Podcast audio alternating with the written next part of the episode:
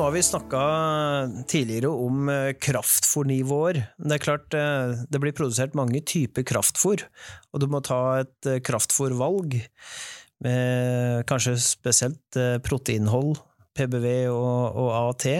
Forskjeller, prisforskjeller ikke minst. Hva kan vi si om det, Harald? I den forrige podkasten så fokuserte jo vi veldig mye på kraftfôrmengder, og det er jo ofte ensbetydende med energi.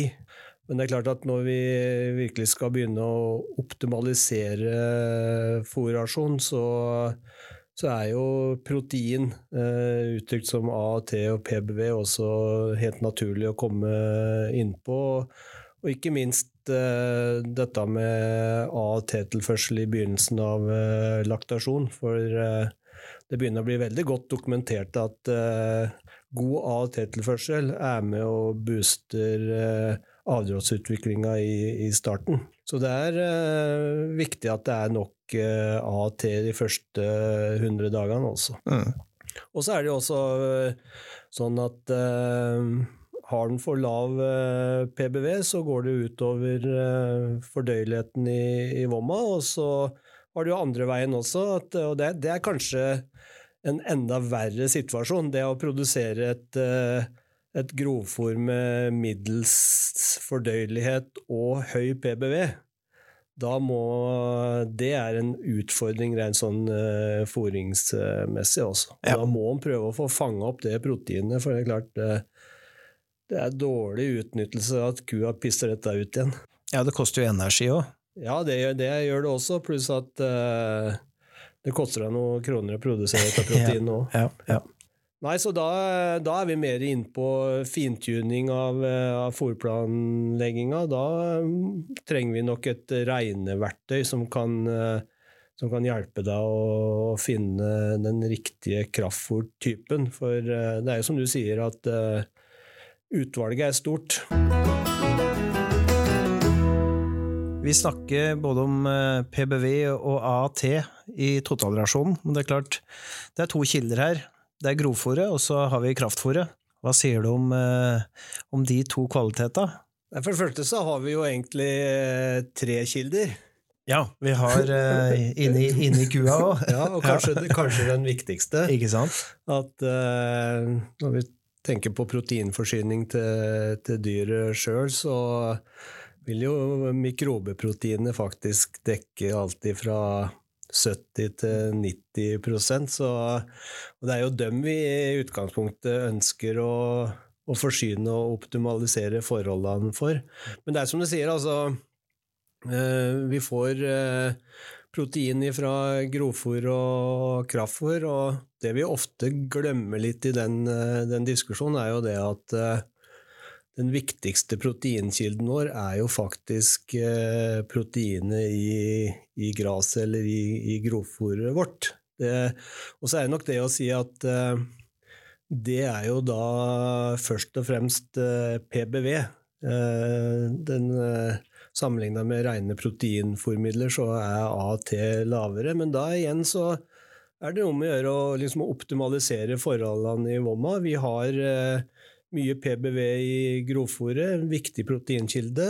Og da skal vi også utnytte det norske kornet ved at vi skal balansere opp. Og det proteinet som vi har litt for lite av da i kornet, det skal vi liksom, og som da har mye lettfordøyelige karbohydrater, det skal vi da balansere opp mot det gode proteinet som vi har i, har i grovfòret vårt. Og så er det jo en del diskusjon om dette med, med AT i forhold til aminosyrekvalitet og, og, og, slike ting. Og da tror jeg nok det først og fremst igjen er helt i første fasen av, av laktasjon at det er en, en viktig, viktig, faktor. Når vi kommer lenger ut i laktasjon, så, så mener jo jeg at det er PBV som er den, den viktigste faktoren, fordi at uh, Bomma er så god til å produsere AT for den der kua at uh, det er sjelden at det egentlig er en reell minimumsfaktor. Så Derfor så, um, så er det å se samspillet mellom, uh, mellom grovfòrproduksjon og kornproduksjon, og utnytte det norske kornet best mulig i denne uh, fòrrasjonen. Og det er klart, da, da står uh, grovfòr også i en nøkkelposisjon. da. Da, hvilket nivå, proteinnivå vil vi ha i grovfòret, hvis vi skal ønske oss noe? Nei, nå har vi jo eh, Tidligere så snakka vi om en 14 eh, råprotein, og det kunne være fornuftig den gangen kanskje hvor, eh, hvor proteinprisen var, var, lavere. Nå ser vi at, at prisen på proteinråvarer har økt. Vi har fokus på å høste grovfòret tidligere. Vi drar med oss en positiv proteineffekt på det, så nå tror jeg vi snakker fort en 16-17 eh, råprotein som et nivå som eh, som gjør at vi da får utnytta det norske kornet på en, eh, på en best mulig måte. Da. Med et sånt grovfòr så, så, er det aktuelt å bruke to kraftforslag. Kanskje bruke et kraftfòr som har, dekker den eh, AT-en tidlig i laktasjonen, og så har du en grunnrasjon som, du, som, vil, gjøre, som vil, utgjøre mer og mer av totalrasjonen, med, med en byggrøp i, i bunn? Ja, absolutt. Eh, jeg tror du er inne på en veldig viktig poeng der å kunne sikre sikre tilstrekkelig med AT kanskje innenfor de første 60 dagene av laktasjon, og så ha mer fokus på, på PBV og sånn utover i laktasjon. Og da tror jeg det at eh, har du, har du lagt grunnlaget i grovfòret med 16-17 eh, råprotein, så klart du kan fase inn ganske store mengder med, med korn. altså det å bruke pelletert byggrøp byggrep med mineraler og vitaminer i, det, det, er en veldig spennende fôringsstrategi, det. Mm.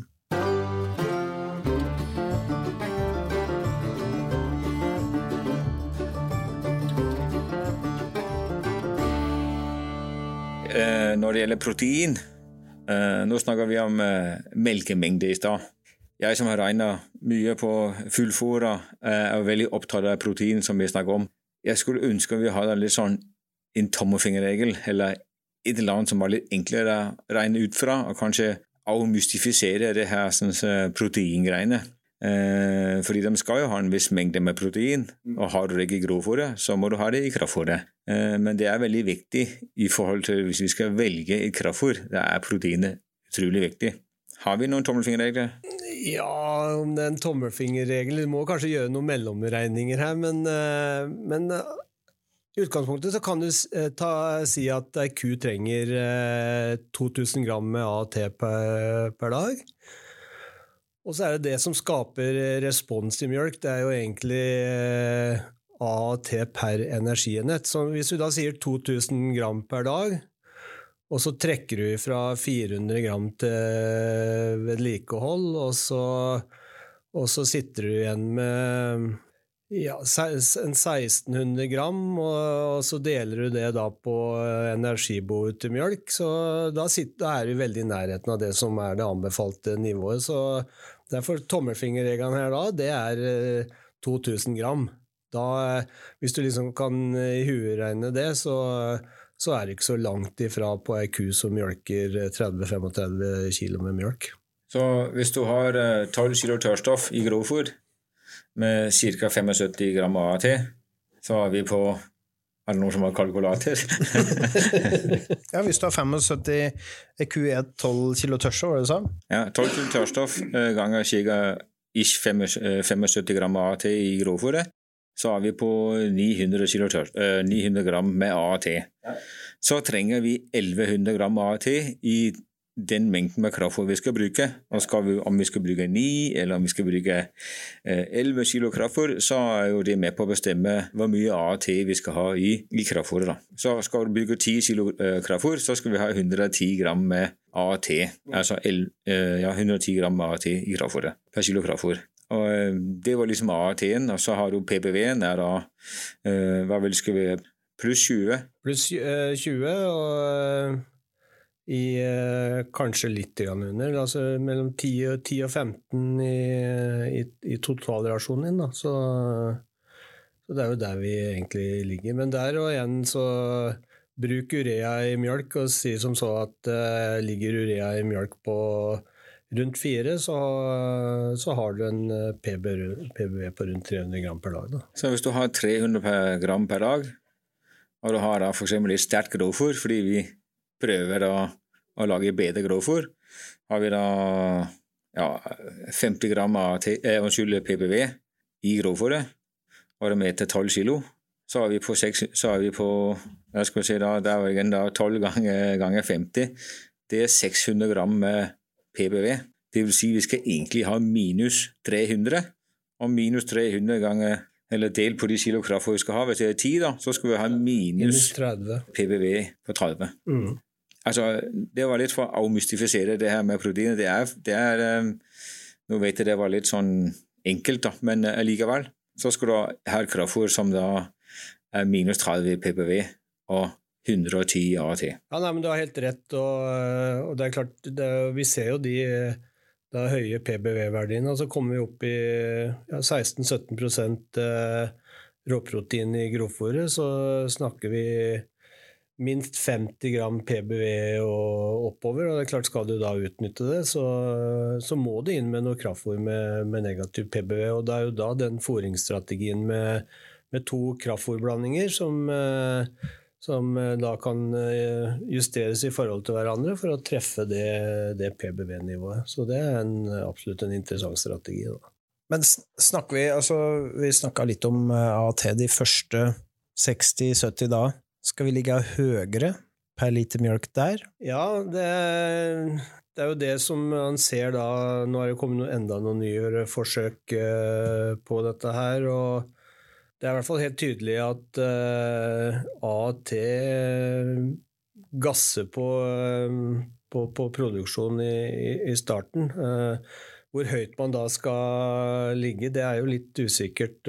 Men jeg ser jo det at skal du ha den der boost-effekten, så, så, bør det nok ligge en, en 25-30 over det som liksom vi snakker om et, som normen, eller hva man skal si for noe, altså, for, eh, for seinere ut, ut, i laktasjon. Men eh, det de nyere forsøkene vise, er at du skal faktisk ha det høye AAT-nivået en veldig kort periode. Man snakker jo faktisk under 14 dager, kanskje bare ned mot det uke.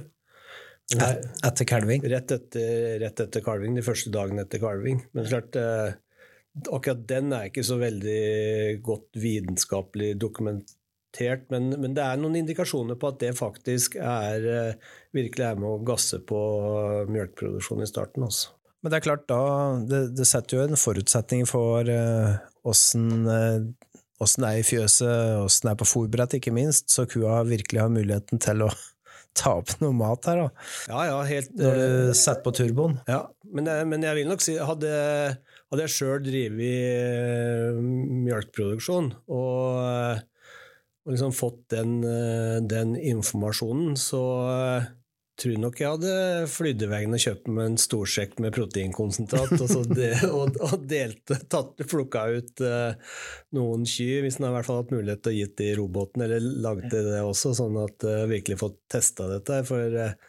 klart begynner han å øke mjølkeytelsen 10-15 ved å booste protein i ei uke til 14 dager i starten av laktasjon, så tror jeg da er det god betaling for de, den storsekken med proteinkonsentrat. Altså. Men som sagt, det, et, dette er eh, ganske tidlig eh, i forhold til liksom, nivå, lengde og sånne ting, men eh, det, det er såpass sterke indikasjoner på at uh, dette er interessant. Så det å prøve ut litt av sjøl og gjøre hverdagen enda mer spennende tror nok det hadde vært bra, da. Men hvis vi sier altså du har et proteinkonsentrat som inneholder 200 gram AT per ja. kilo, Rundt det.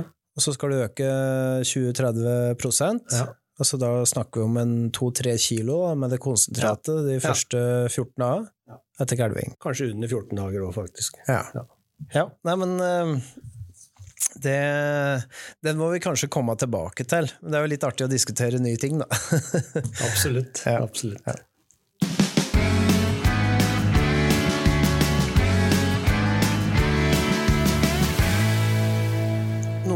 Alle har et forhold til, det er for så vidt ureatall. Mm. Det får du jo uh, tikkende inn stadig vekk.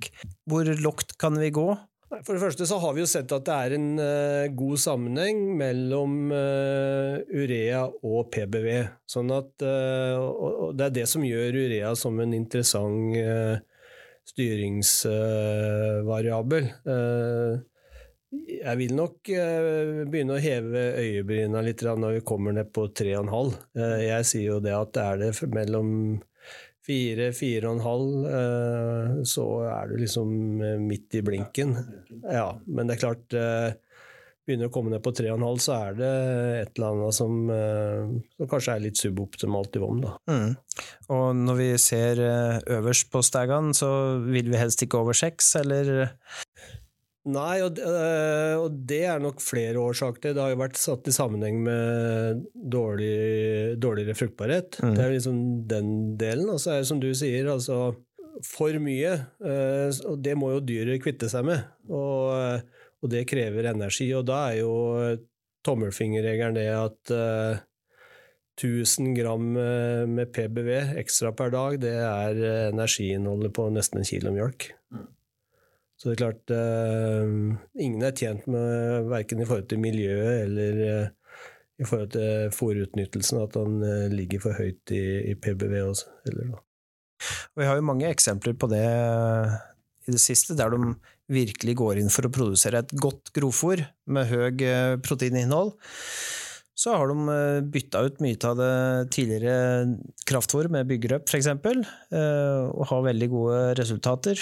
Der har du rett og slett utnytta at du har gjort en god jobb på, på jordet, da. Ja da, og, og, og, igjen så er det da å virkelig vite hva grovfòr inneholder. Det å ta grovfòranalyse, vite hvor mye protein eller PBV man har, og så og velge da kraftfôr ut ifra det. Og som du sier, altså, vi har jo etter hvert flere eksempler på de som nå bruker en del eh, pelletert byggrep eh, i, i, rasjonen med, med, veldig gode resultater. Så det er noe med å, å kjenne hva man har, og så legge opp fôringa deretter. Da. Og så kan du si, en, en, en, Nå har vi snakka en del om A og og, og PBV, men uh, det er klart at spesielt i den første fasen av uh, laktasjon, så, så, er jo grovfòropptaket litt uh, lavere. Appetitten på kraftfôret er, er, god, og, og, her er det jo individuelle forskjeller mellom dyr også. Så det er klart det er en risiko at man kan fòre på et dårlig vommiljø. Så det å også tenke kraftfòrblandinger i forhold til vannmiljø, det er jo det er viktig. Og så har du jo i styringssystemene, du har dette med tyggetid f.eks. Det er jo også en, en, veldig interessant variabel å følge med på for å, for å, se om det er et eller annet som er i ferd med å skje i forhold til et dårlig vannmiljø. Mm. Og da er det kanskje sånn at det er kanskje ikke den absolutte verdien man bør legge vekt på, men heller endringa over tid, trenden, som, eh, som, er viktig. Og så tror jeg nok kanskje det at uh, du skal bruke den både som en indikator på besetningsnivå, og så kan det være enkeltdyr som av en eller annen grunn slår, slår kraftig ut. Da.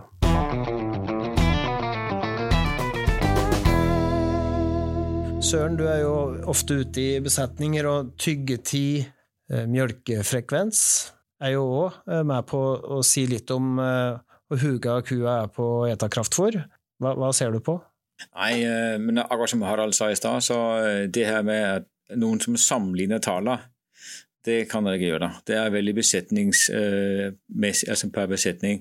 Så, og det kan svinge en del, og litt sånn spesielt i, i beitesesongen så ser vi at det svinger en del. Men Eh, enkeltindivider er ofte, i hvert fall i Horizon, det, det syns ganske godt, og vi får eh, varsel om det. Også.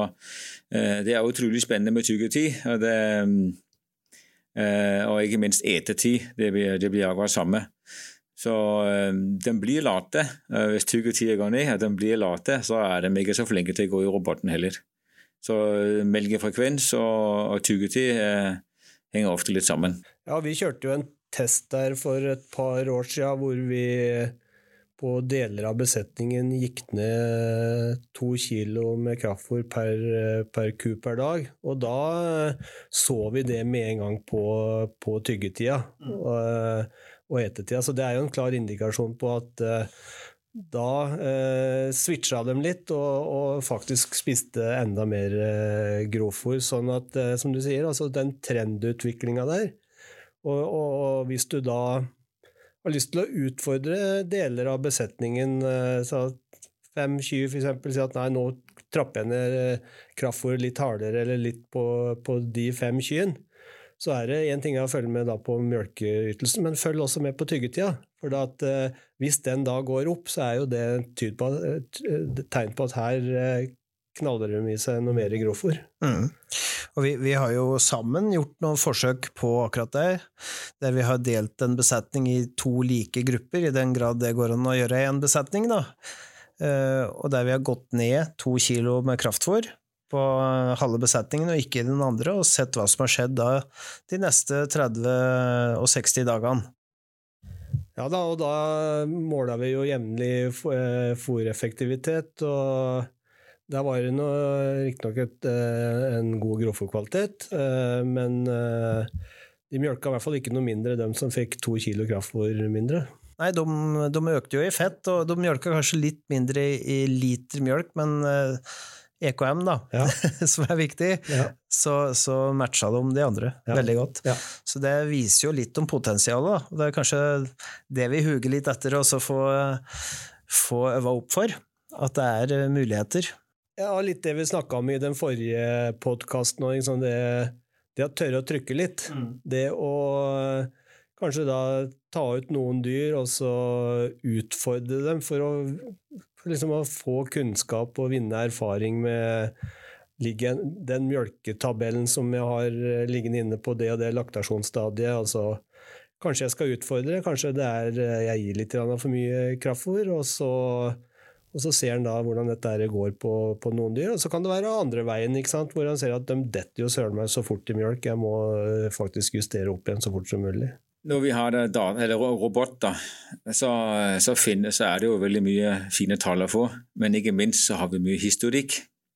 Så hvis vi nå gjør som Harald sier, at vi forsøker oss fram litt, og, men jeg er usikker på hvordan det hadde gått, for det er veldig fort gjort å glemme. Men så har vi historikken. Så alltid, kan, alltid gå tilbake. Eller er det noe som har, har forandret seg? Og øh, Litt sånn som vi snakka om etetid eller tyggetid i stad. Øh, jeg tror nok at det er en del som ligger ganske høyt i kraftfôr, som eh, eh, kunne kanskje gått litt ned. Men tyggetiden er også litt med, eller eh, etetid kan også være med til å si eh, dårlig bein. Vi ser mange plasser da vi snakker om at de kanskje går litt dårlig, robotene blir late.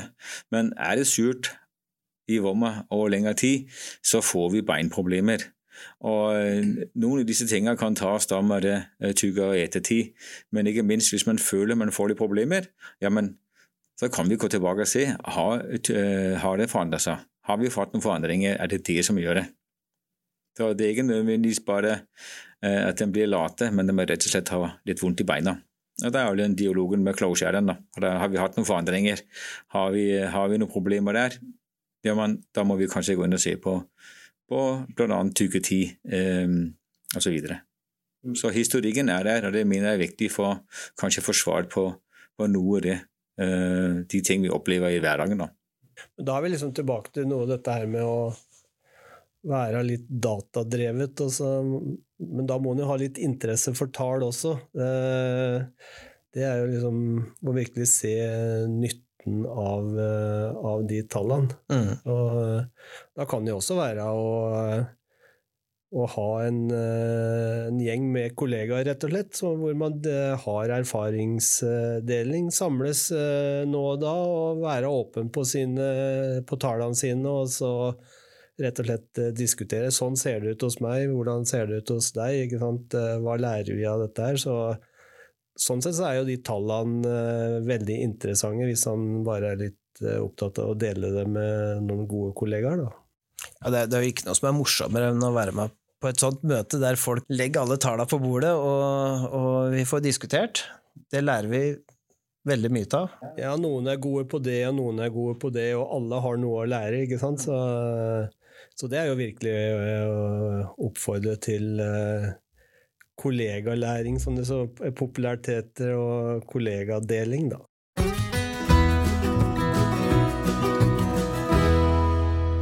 Ja, søren. eh, Tyggetid, det får vi jo eh, daglig eh, registreringer på. På besetning og på enkeltkyr. Hva bruker du det til? Når eh, plinger det ei rød bjelle? Tyggetid eller etetid, det blir i utgangspunktet det samme. Hvis ikke jeg har noe fòrskifte eller på beite eller på en annen måte, så går tyggetida ned. Så er noe det første jeg ser på, det er det fettprosenten. For hvis fettprosenten henger på, eller også går ned, så, eh, så er det litt i forhold Så ser jeg ofte på melkefrekvensen, om de eh, ikke går så ofte heller. Så, eh, men først tyggetid, eller motsatt. Det kan også være at fettprosenten går ned. Så følger jeg med på tyggetida, men de to henger veldig mye sammen. Og det henger selvsagt sammen med drøvtygginga, da. Mm. Og survom. Ja. I noen tilfeller faktisk også eh, kanskje litt i forhold til tildeling av fôr. Mm. Eh, litt lite fôr på fôrbrettet. Eh, ja. Eh, det appetittfôring er altså Da skal det være fôr hele tida. Og det er, ikke, det er ikke sånn fôrrester, det er godt fôr som er likt hele tida. Hele døgnet. Men hvis du da du ser en, eh, en nedgang i, i tyggetida her, du ser en effekt på fettprosenten, går du da inn på enkeltdyr og prøver å identifisere hvilke enkeltdyr det er? For det, det, det kan jo ha noe med ja, hierarki. Ikke sant? Noen uh, kyr er litt underdanige, de kommer ikke til, bort til fòrbrettet lenge nok, og det er kanskje helt på grensen på appetittfòring, og så har du noen sånne taperkyr. Vil du da kunne se det også på enkeltkyr, eller identifisere de enkeltkyrne? Ja, altså vi kan, men ikke minst så kan vi gå inn gruppevis. Det vil si i utgangspunktet jeg går inn på første kaldskyene og se hvordan, eh, om, om det er de som har, har tapt eller gått mest ned i tyggetid. Men eh, ofte så er det litt morsomt, fordi hvis du ringer til bonden, hvis du ser disse tallene eller snakker med en, så har de ofte en eller annen forklaring på det, at det er et eller annet som har skjedd. Så eh, den er utrolig viktig, den den tyggetida. Og ettertid, ikke minst, det er akkurat samme. Kan du bruke den tyggetida også til å si noe om stabiliteten i, i fôringa? At uh, La oss si at uh, det er ikke bestandig det er like fullt på, på fòrbrettet, og du får ganske store svingninger fra dag til dag. Vil det da også kunne være en indikasjon på at uh, managementet kanskje ikke er helt, helt på stell? Ja, er det typisk de fyrs hvor jeg har vekterfyrs, så kan jeg jo se begge deler. For da kan jeg gå inn og se at vekterne ikke har kjørt, f.eks. Det gir utslag med en gang. Da spiser de mye mindre. Og da, når det da endelig er fôr igjen, og kanskje da spesielt på den som er etetid, da, da får vi store utslag. da. Men uh, det er nok den gjennomsnittet, fordi uh, jeg husker om det er sju eller det er vel sju dager ukes gjennomsnitt på drøvtygginga. Det er ofte den som jeg følger med på. Så du får noen, en del utslag i løpet av et døgn, men uh, gjennomsnitt, hvis gjennomsnittet er det verdt for uke for uke går nedover, da er det noe på gang. Altså en viktig indikator å forholde seg til? Ja, absolutt.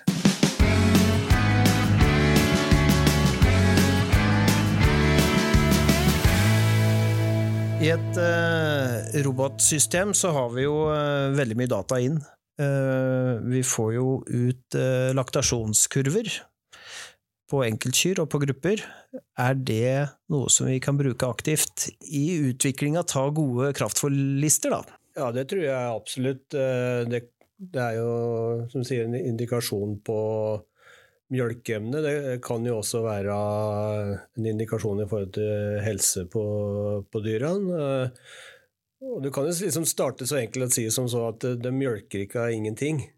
Ikke sant? Sånn at uh, utviklingen i laktasjonskurven vil jo egentlig si noe om, uh, om fôropptaket hos dyrene, og ikke minst om du har klart å holde ytelsen godt i den første fasen av laktasjon. For det er liksom en betingelse for at du skal få en, en flat laktasjonskurve også. Og så er nok min erfaring det at skal du gjøre de vurderingene, så, så må du ha noen å sammenligne med. Eh, og det da, La oss si at du tar utgangspunkt i førstekalvere, det kan være andre kalver og det kan være voksne kyr, altså tre grupper.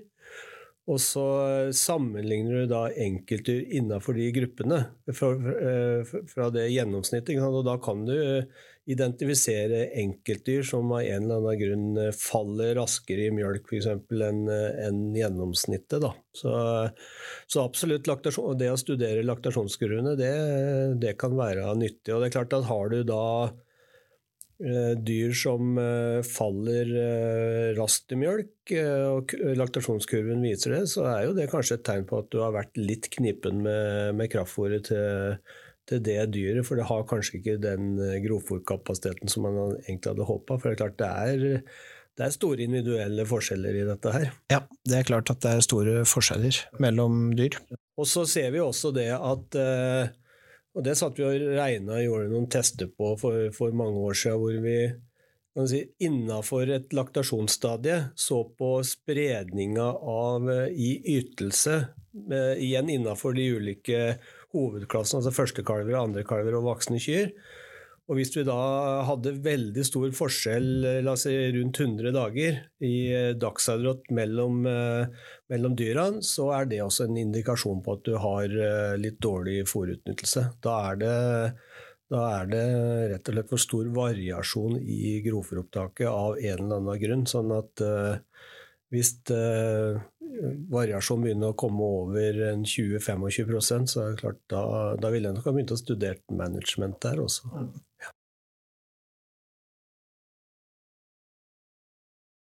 I første del podkast så, så snakka vi så vidt lite grann om kvigen.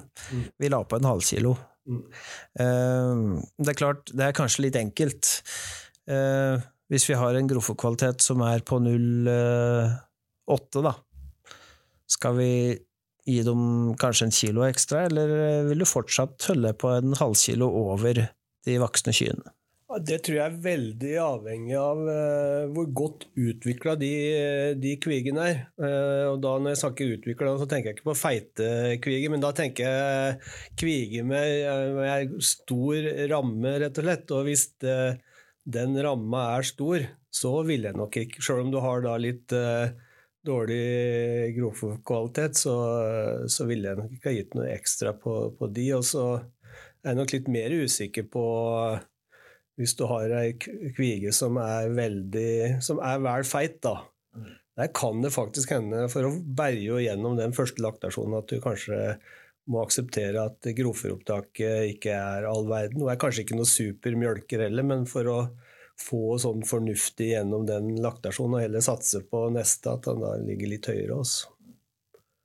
Så, men, eh, men, det er klart, kvigeoppdrettet er, eh, er, viktig. Det å ha gode, godt utvikla kviger. Og det er klart Det er tre første månedene med, med kalven fram til inseminering, og fra inseminering og fram til kalving. Det er liksom tre nøkkelperioder her, så, så, og spesielt den eh, Kanskje de to, to, viktigste periodene er jo faktisk den fram til tre måneder og fra inseminering og fram til kalving igjen. Og det det har vi vel planer om å lage en egen eh, podkast på, Søren. Så eh, vi skal la den ligge. Men det er eh, kanskje den viktigste perioden i, i kuas liv. Det er første levedøgn.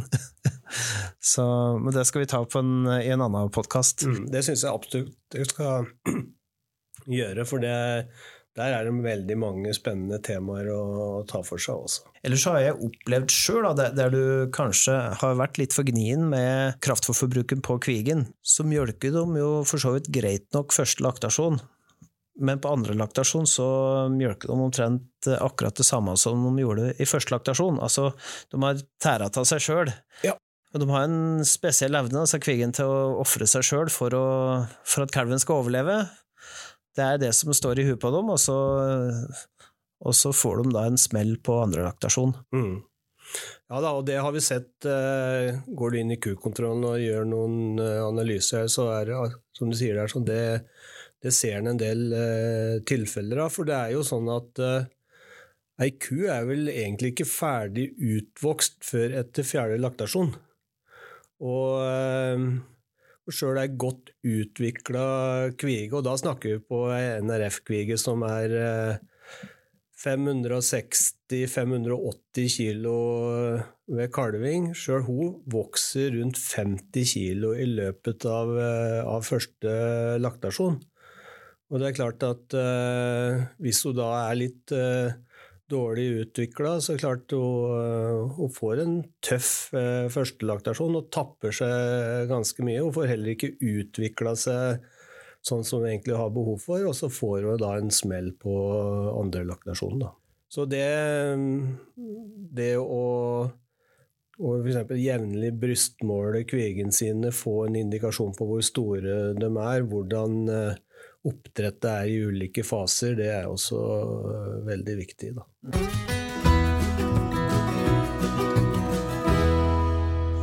Kraftfôrtildeling, så øh, tenkte jeg på i stad, Harald, der du nevnte det her med, med kanskje du til, i forhold til to kraftfôrtyper. Og hvis opptil 100 dager at det viktig å få inn mye AAT, altså at kua i utgangspunktet sjøl og flinke til å produsere en AT innen sen laktasjon, så er vi jo nødt til å ha to kraftforslag. Og om de to kraftforslagene går i roboten begge to, eller i roboten og Cosmix, eller eh, man har et eh, AT-kraftfôr eh, i roboten og har et mer energirikt fôr i miks, f.eks., byggrøp eller annen korn, eller så må folk øh, virkelig tenke på når de enten bygger fjøs eller har lyst på å utforske dette her, at øh, to kraftfôrtyper er litt nøkkelen for øh, maks fôrnyttelse og ikke minst utnytte proteinet vårt i grovfôret.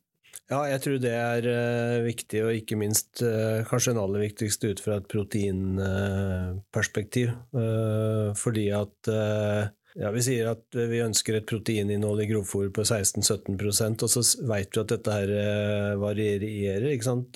Førsteslåtten kan ligge på et gitt nivå, annenslåtten, og så er det jo litt avhengig av hva slags utfòringsopplegg han har, om man da kan ha mulighet til å blande dette her fôret vekselvis. og er klart, Har du to, to kraftforslag, da, så kan du i mye større grad uh, tilpasse uh, kraftfôrkvaliteten uh, til da, det, det grovfòret man har. Ja, for det er klart, Hvis du ikke har den muligheten, så må du på en måte betale et dyrt kraftfôr all over.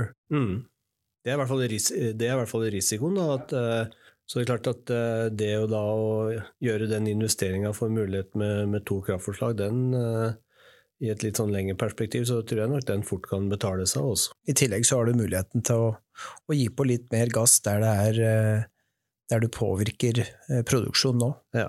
De stedene hvor vi har da kanskje litt svingende kvalitet på rundballer, litt avhengig av eh, mange jorder og litt sånn, har du to kraftfôrtyper som er litt forskjellige, så er jo ikke det direkte et fòrskifte. Hvis f.eks. vi har på følelsen at vi får en, får en rundballer som kanskje har litt dårlig protein, så er det å øke litt på med protein. hva får med mest protein, og minke litt på den andre. Da er jo mikrobene liksom De er jo der, de skal bare avformeres, med det, så det vil da være et, et mindre Mindre forskifte, ja. ja.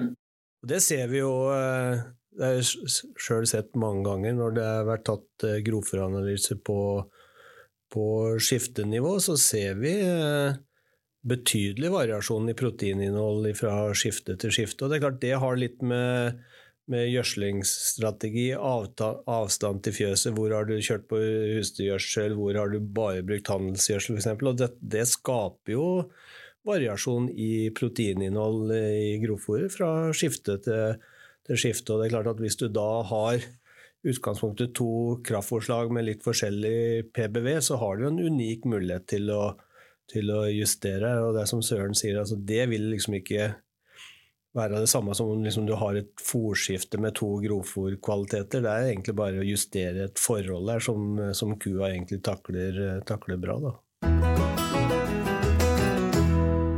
Yes, da har vi gjennom disse to podkaster snakka om kraftfòrlister og, og justeringer. Så det er helt klart et sugende behov da, for å se på dette her med kraftforlister og åssen det gjøres.